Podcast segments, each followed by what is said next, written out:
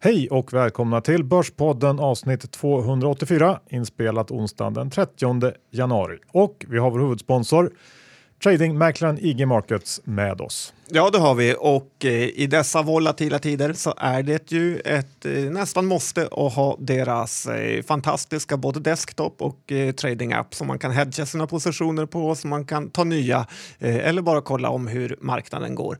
Och eh, som vanligt vill jag slå ett slag för att följa Erik Hansén på eh, både Twitter och Higher Lows på Instagram för att få nya affärsförslag eh, nästan varje dag. Mycket uppmuntrande om man inte har något eh, själv. Han är också fantastisk på teknisk analys. Samt eh, signa upp sig för det här eminenta nyhetsbrevet. Ja, gör det. Ja, John, vad snackar vi om idag? Ja, idag har det ju varit, eh, eller hela den här veckan har det varit väldigt mycket rapporter och kul att de har kommit igång, även om de är svårtolkade än vanligt. Eh, sen har ju jag eh, varit i Paris, som ni kanske sett på Twitter, så att det blir lite en spaning därifrån. Och jag gissar att du också har några godsaker. Så är det. Innan vi kör igång så har vi också några ord att säga om vår sponsor Lendify. Och eh, det har hänt grejer hos Lendify. Eh, nu ska man bli ett stort, riktigt stort bolag på riktigt och på allvar utmana bankerna och man har säkrat finansiering på en miljard från en av Sveriges största och mest etablerade institutioner. Lite av en milstolpe för Lendify och riktigt kul nyheter.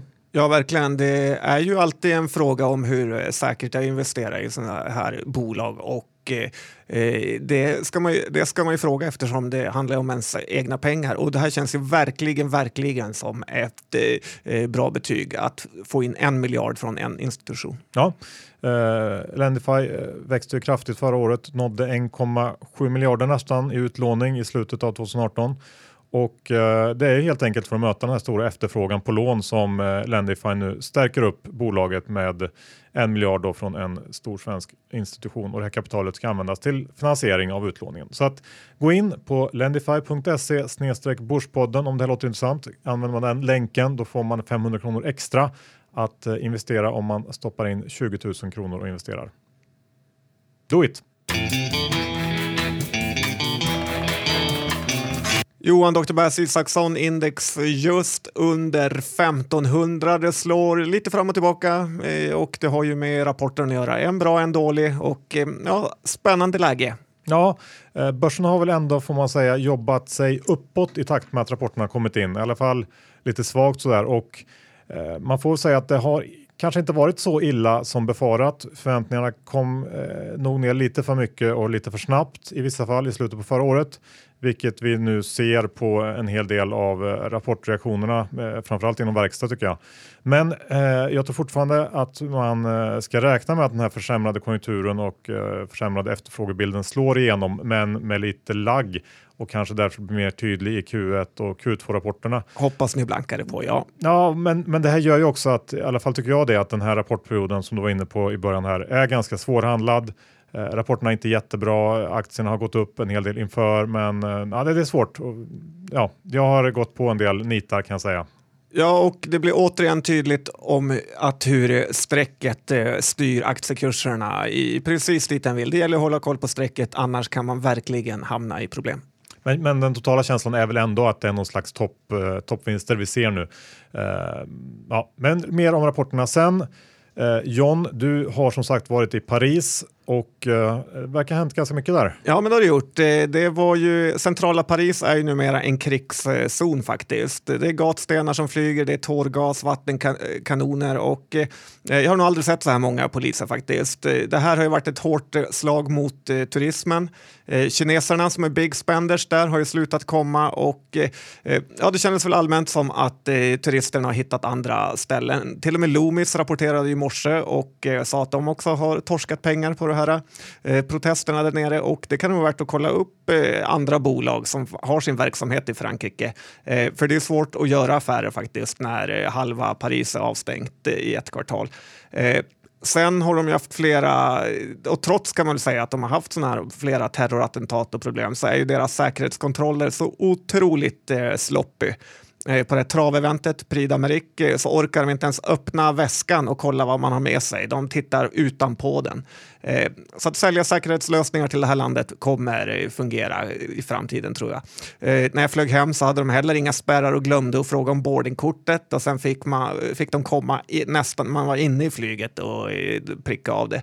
Eh, så att, eh, och lite på tal om flyga Johan så måste vi väl ändå prata lite Norwegian här tycker jag. Vi har aldrig heller sett ett så tomt plan som jag åkte. kanske var en 8 i beläggning, Stockholm-Köpenhamn. Och jag börjar få en känsla att Norwegian är ett sånt här stolthetsprojekt för rika norska miljardärer. Eh, att de får en kick när de ser såna här rödvita flyg eh, och sen någon totalt bortglömd norsk äventyrare på stjärtfenan. Säger man det?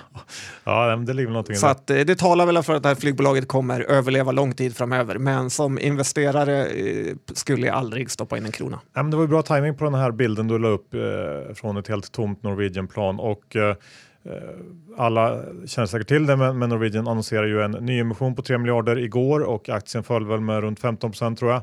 Eh, vi var inne lite grann på det här i våras, eh, att det inte såg ut att räcka med den nyemission som genomfördes då. Den gången tog de in 1,3 miljarder norska och det här känns ju spontant inte som något att hoppas på. Jag är lite inne på din linje här. Tittar man på siffrorna så krävs det en rejält förbättrad lönsamhet för att det ska se billigt ut och även om man nu lägger om strategin från att eh, eh, då satsa på tillväxt bara till att verkligen försöka satsa på lönsamhet. Eh, och man har ju också faktiskt en ganska ung flyg, flygplansflotta, eller väldigt ung, så att det finns ju potential. Så är det ju ändå långt ifrån säkert att man lyckas med det här. Och vill man ha ett flygbolag så skulle jag mycket hellre köpa SAS då till exempel, som redan tjänar pengar och dessutom är lågt värderat. Eh, kolla lite snabbt på det, skulle Norwegian lyckas nå samma lönsamhet som SAS eh, har idag så är det ändå dubbelt så högt värderat. Så att det, jag vet inte, det känns inte intressant. Nej, och eh, om du checkar in via appen eh, utan att ha betalat för plats och får rad två, då vet du att det är något som inte stämmer. Ja, så var det.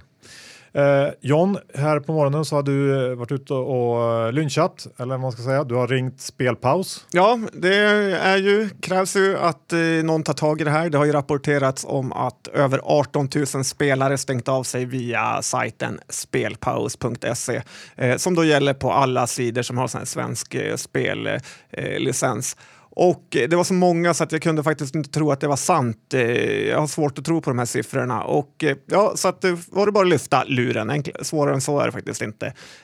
Och såklart har det visat sig att den här bilden är otroligt överdriven. För kvinnan i telefonen sa att eh, eh, väldigt många bara stängde av sig faktiskt för att eh, slippa få just eh, spelreklam i mobilen och eh, mail. Eh, det är en bra tjänst kan jag tycka att man slipper det. Men när mainstream media och eh, staten tillsammans har försökt måla upp det här till en sån otrolig eh, succé där de skyddar alla spelberoende så vet man ju att något är fake. Så man ska tolka som att det är mer folk som ändå absolut aldrig skulle spela som har stängt av sig? Eh, ja, exakt och bara läsa på reklamen. Mm. Eh, så att eh, nej, Johan, eh, tro inte på allt ni hör där ute. Sagt det förut. Nej, bra. Eh, bra kollat där John. När vi ändå är inne och pratar spel John, du vill säga någonting om att vara pott committad. Ja, men det är en av de bästa sakerna med aktier tycker jag. Att man egentligen aldrig är det som på pokerspråk eh, heter eh, pot-committad. Och eh, pot-committad i poker betyder att man redan har satsat så mycket i en pott att det spelar egentligen ingen roll vilka kort som kommer efter. Eh, för man måste ändå satsa det sista man har eh, trots att man nästan är garanterad att man kommer förlora. Men så är det ju inte i aktier.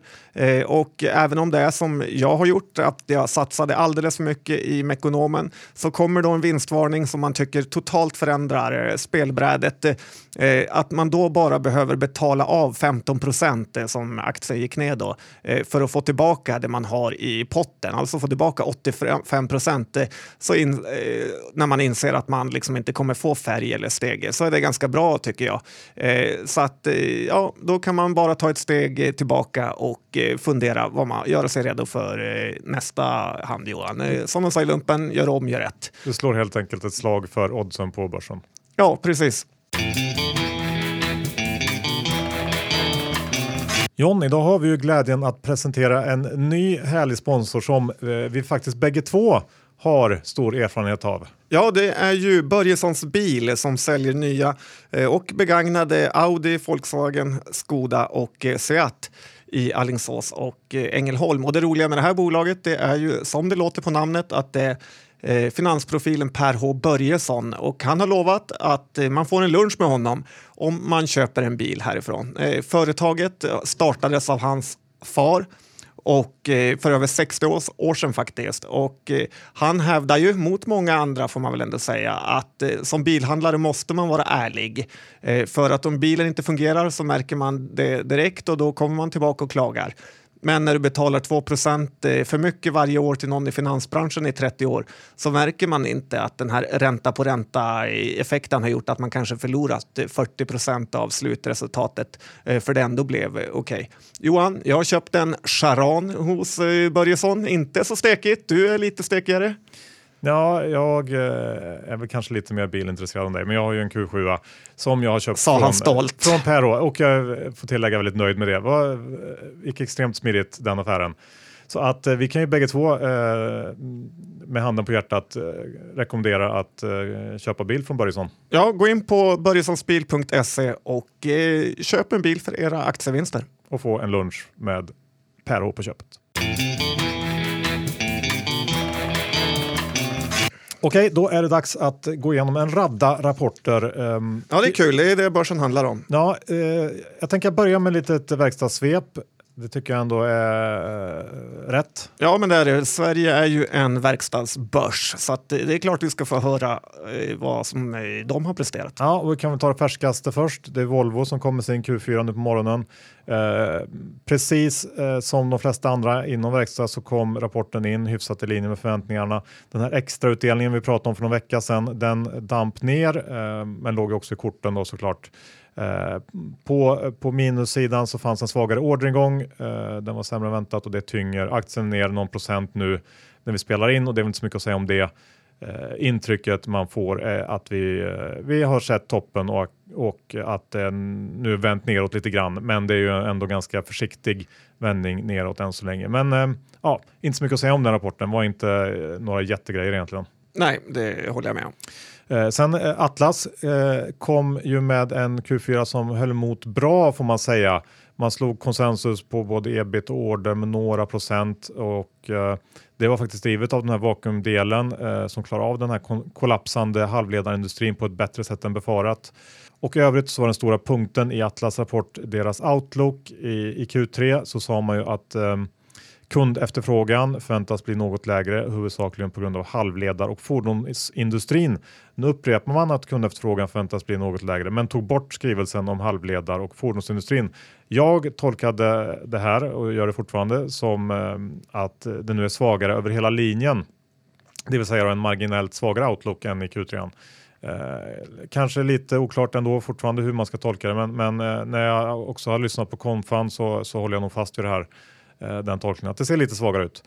Eh, och många håller ju Atlas som kanske det eh, bästa storbolaget och eh, det är, väl, eh, det är väl då man ska göra precis så här som de gjorde nu, att, att snabbt parera svängningar i, i efterfrågan och, och prestera en bra rapport trots lite problem Eh, i vissa delar. Så det var ju snyggt gjort kan jag tycka. Aktien är prissatt därefter och eh, jag tror fortfarande att det finns eh, nedsiderisk i kommande kvartal i den här aktien. Ja, det är spännande hur du läser rapporterna som ränteanalytikerna i USA läser Feds beslut. Det räcker med att ta bort ett ord så blir du väldigt orolig. ja, lite så är det. Förmodligen inte ens gubbarna som skriver den själva. Nej, sen så, så har vi ju SKF, den fula ankungen inom svensk verkstad. Eh, och de kommer ju justerat för diverse EU-poster också in i linje, eh, eller kanske snäppet över förväntan om man är snäll. Bolaget sänkte eh, också sin outlook inför första kvartalet 19 till oförändrad efterfrågan jämfört med samma period föregående år. Eh, det här låg också i kort korten inför rapporten. Aktien gick upp eh, några procent och eh, det får man väl nog säga beror helt enkelt på att marknaden kortsiktigt varit lite för orolig för konjunkturen. Eh, men jag har samtidigt svårt att se någon jätteuppsida i varken estimat eller aktier på de här nivåerna så att det är snarare tvärtom. Eh, inte intresserad av SKF här. Nej, det positiva med den är väl att den alltid är så lågt eh, värderad så att eh, där har de ju alltid lite kudde. Så är det. Du, sen eh, kom ju eh, NCC, de skulle kommit i morse men igår fick de eh, gå ut. de hänvisar till det här MAR Eh, Eh, därför att man eh, halverade utdelningen och det låg inte i förväntansbilden och då släppte man siffrorna igår kväll. Ja, jag trodde du skulle säga därför att man är helt eh, sopiga och eh, det är precis vad det här bolaget är. Man fattar ju inte vad de håller på med. De knoppar av Bonava som är bostadsdelen i det här gamla NCC eh, för att NCC ska bli mer av ett anläggningsföretag och eh, sen får de vinstvarna i princip för att bostadsdelen går så dåligt. Eh, det känns ju inte som att de har lyckats så bra med den här uppdelningen direkt. Eh, särskilt inte som Bonava som då är ju det här bostadsbyggarbolaget som borde ha det tufft, går helt eh, okej. Okay. Eh, så att man förstår ju ändå att bolag som NCC är ju rätt dåliga investeringsobjekt. Eh, De är fyllda, fyllda med engångsposter och reserveringar och eh, bortförklaringar. Eh, så att det här är inget jag är intresserad av och jag tycker inte heller man ska bygga sin portfölj kring den här typen av oberäkneliga bolag. Nej. Eh, ett till bolag som var lite oberäkneligt men som kanske inte borde vara det eh, var ju Cloetta som kom med eh, dåliga siffror. Ja, men jag börjar känna att Cloetta blir mer och mer av ett skämt till bolag faktiskt. Det är bränder i fabriker, det är chefer som häktas för att utnyttja det här. Självklart så blev det inget av det här vad jag har hört, då storfinansen alltid kommer undan på något sätt. Men när jag tänker på Cloetta som ett case så börjar det kännas mer och mer som ett dåligt case. Hela näthandeln är negativ för Cloetta. De eh, säljer ju allt mer mindre, man säljer ju ingenting på de här impulsköpen eh, som eh, när man har varit på Coop, handlat en torsdagkväll och tycker livet eh, suger. Varför inte muntra upp sig med en kexchoklad i bilen på väg hem? Eller när du tankar kanske så eh, köper du en polypåse. Men ju mer, mindre bilarna drar eh, i bensin och diesel och till och med elbilar så kommer folk och tankar mindre och då blir det mindre sådana här eh, spontanköp.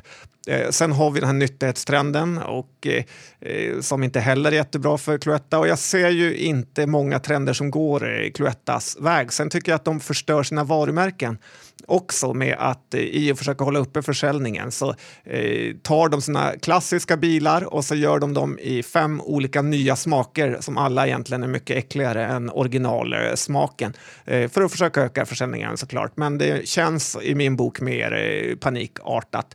Och den här grejen som de satsar hårt på med lösgodis, det är ju eh, till och med helt omöjligt att köpa via näthandeln. Så jag vet inte hur de ska lösa det här. Eh, det, och den här extrautdelningen de gjorde förra året när aktien stod eh, 30-40 procent högre börjar också kännas eh, väldigt dålig. För Cloetta har inte jättebra balansräkning eh, heller. Så att eh, trots den här nedgången som varit så är det väl lite mer ett säljcase än ett köpcase. Ja. Eh, man kan väl säga att när Bengt Baron lämnade för ett antal år sedan så skulle man eh, följt med honom helt enkelt. Ja, det var smart gjort av han. Ja. Eh, Autoliv eh, har ju också rapporterat. De kom igår eh, prestera eh, något bättre siffror för Q4. Men allt fokus låg ju såklart på guidningen inför 2019 och den landade på eh, 5 i organisk tillväxt och 10,5% i justerad ebit-marginal. Eh, och det kan man jämföra med konsensus som inför rapporten räknar med ungefär 6% i organisk tillväxt och 11% i justerad ebit-marginal på helåret 19. Och när jag räknar snabbt på det här så, så borde guidningen för 19 innebära att vinstestimaten kommer ner med ungefär 5% efter Q4. Um, ehm, och dessutom så valde ledningen också skjuta på det här 2020 målet då man innan räknade med en omsättning på 10 miljarder dollar och en ebit-marginal på 13 det kom inte som någon överraskning i och för sig. Konsensus låg redan en bit under det, eh, men ändå.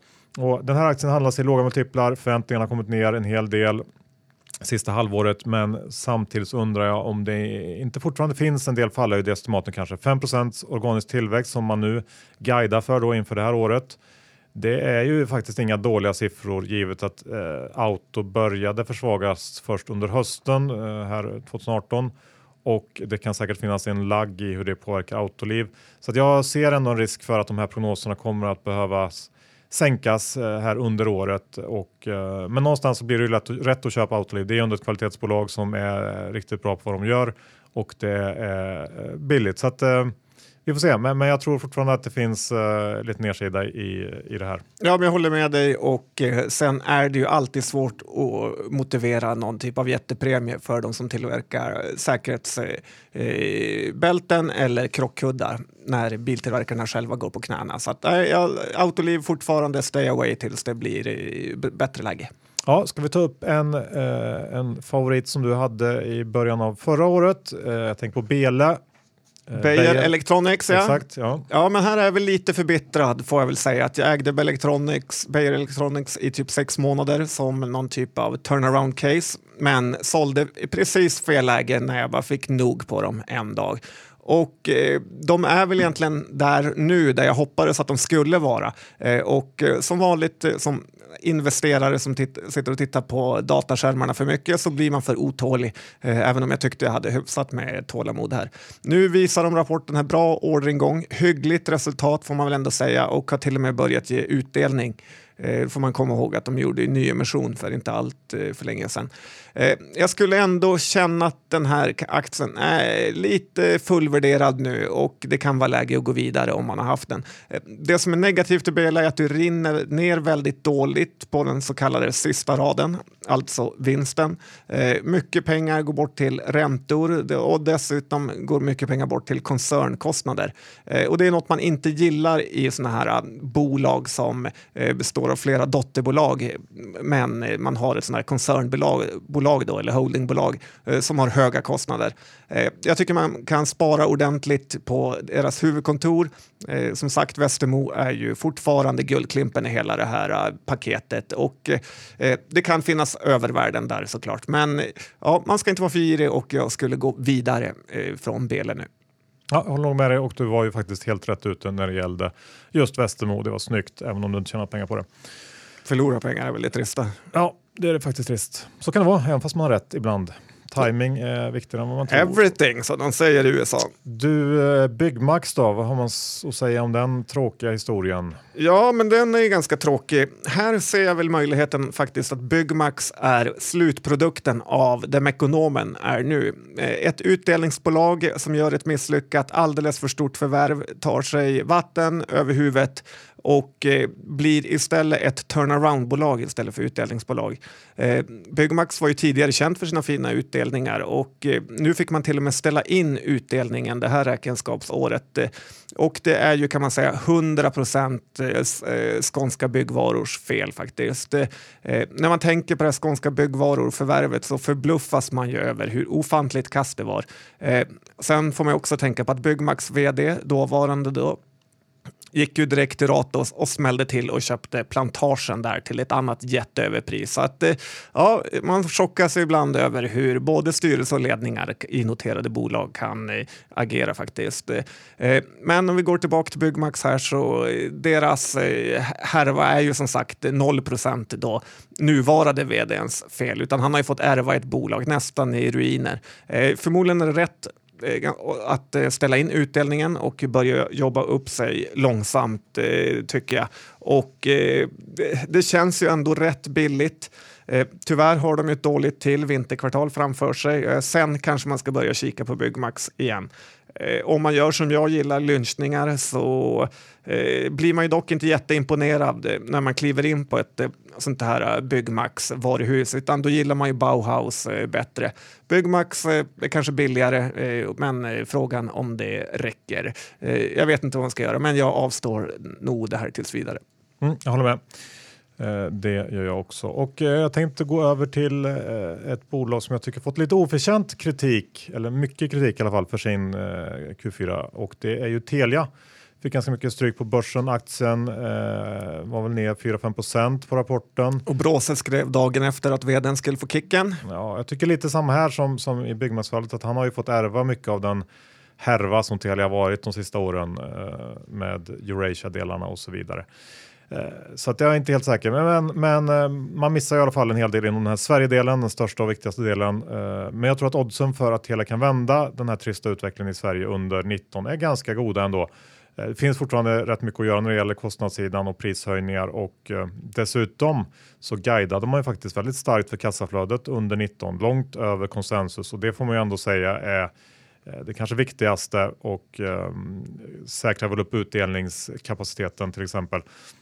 Så att eh, jag ser det här som ett helt okej defensivt köp här. eh, strax under 40 och eh, notera också att vdn och finanschefen köpte eh, lite aktier här efter rapporten. Så att eh, tycker att man är onödigt hård här mot Telia. Mm, det kan ju vara ett sånt här rädda jobbet-köp. Man vill visa att man fortfarande är committad. Men som du säger, man, kassaflödet är ju verkligen något att hålla koll på då, i de här bolagen. För eh, vinsten är alltid något man kan justera och fixa. Men kassaflödet är där godsakerna finns. Exakt. Eh, Billerud då, John? Eh, ja, du eller jag? Ja, börja du. Okej, okay. eh, ja, det här är ju ett av de sämre skogsbolagen börjar jag tycka faktiskt som konstant lyckas eh, stöta på problem. Eh, den här rapporten var väl egentligen sämre på de flesta punkterna och eh, gick ändå upp konstigt nog. Eh, då många späckare, vad man har hört, har ju trott på nyemission i Billerud, men istället så smällde de till och höjde sin utdelning. Och eh, det indikerar väl att antingen så är de dumma i huvudet eller så har de läget under kontroll. De kommer snart köra igång sin nya fabrik här i Gruvön, Värmland. Är det Värmland Johan? Uh, är det Grums eller vart är det de har den där? jag vet inte. Nej, jag vet faktiskt inte. Men de pratar om Gruvön och eh, här kommer ju när den är, är klar, den här fabriken, pengarna börjar spruta in hoppas man på. Eh, Frågan är väl om inte den här nya fabriken är helt feltajmad om vi har en liten dyk, djupdykning här i eh, konjunkturen. Eh, och sen är det ju så att eh, Billerud är ju inte jättedyrt, eh, men då krävs det ändå att man tror på den här storyn om eh, fabrikssatsningen och då är ju pengarna, vad jag kan säga i alla fall i prognoser, eh, 2020 som det kommer bli riktigt gosigt. Ja, och sen får man komma ihåg det som kan rädda Billerud. Det är ju förvärvssnacket i Billerud ständigt en sån här uppköpskandidat. Jag vet inte, det var min side of the story. Vad säger du? Nej, men jag håller nog med om det mesta där. Jag har inte så mycket att tillägga. De har ju haft eh, eh ganska jobbigt med kostnadsinflation och stigande råvarupriser under året så att det har ju på något sätt ätit upp eh, all den här fina efterfrågan som ändå funnits. Eh, och eh, just nu och nästa år, så, eller det här innevarande året, så ser det väl inte superbilligt ut, men med lite stolpe in med olika råvarupriser som ska gå åt rätt håll och så vidare så, så kan det ju eh, hända en hel del på sista raden. Men, men jag håller med dig om att eh, äh, i dagsläget så finns det nog eh, intressantare bolag inom sektorn att välja skulle jag tycka ändå. Ja, så är det. När utdelningen har gått så blir det mer sämre eh, balansräkning och ja, möjlighet för svajighet. Yes. Ska vi avsluta med eh, Elanders? Ja, vad var det du kallade innan Johan? Ja, jag råkar väl säga eländers kanske. Eh, Vad taskigt inte. av dig. Ja, men kanske Som... mer en, en, eh, en gammal vana från förr. Ja, men det finns ju ändå något man gillar faktiskt med sådana här bolag som verkligen lyckas med turnarounder, för det blir, är ju inte jättevanligt. Eh, och här tycker jag man ändå får räkna in Elanders. Från ett jätteskuldsatt eh, eh, bolag i en bransch eh, som ingen trodde på eh, har de ju faktiskt tagit sig ur den här härvan och eh, det är genom att satsa framåt på eh, riktigt eh, såna här offensiva nyemissioner och förvärva bra bolag. Eh, men även lyckats lösa de här gamla problemen. Eh, Elander som eh, tidigare typ jobbade med att trycka manualer har ju hela tiden försökt ta sig högre upp i värdekedjan. Det här är ju ingen lätt bransch, men samtidigt är det inte direkt som att man får se jättemånga nya startup-bolag ge sig in i Elanders bransch heller. Så att jag tycker att de ändå har goda förutsättningar för att fortsätta leverera. Det är inte dyrt eh, alls, vilket är ju positivt om man gillar billiga aktier med ett förväntat p-tal på under 10 nästa år. Eh, det som man ändå ska komma ihåg med det här bolaget är att de har en ganska stor nettoskuld eh, på 2,5 miljarder och det är mot ett börsvärde på 3,2 miljarder. Så att blir det lite fel här så är det faktiskt inte jättelångt som ifrån att det blir ett problembolag Bra, tack för det och det är slut på avsnitt 284. Vi eh, tackar vår huvudsponsor tradingmäklaren IG Markets. Eh, testa den här desktop-applikationen de har för den är faktiskt riktigt, riktigt bra. Det är väl eh, kanske inte så mycket fokus på den, det är mer fokus på appen, men vill man eh, ha lite extra, lite mer och få verkligen sitta nära marknaden så ska man testa den här desktop-applikationen helt enkelt. Ja, det var bra sagt av dig. Ja, vi är ju också sponsrade av Lendify.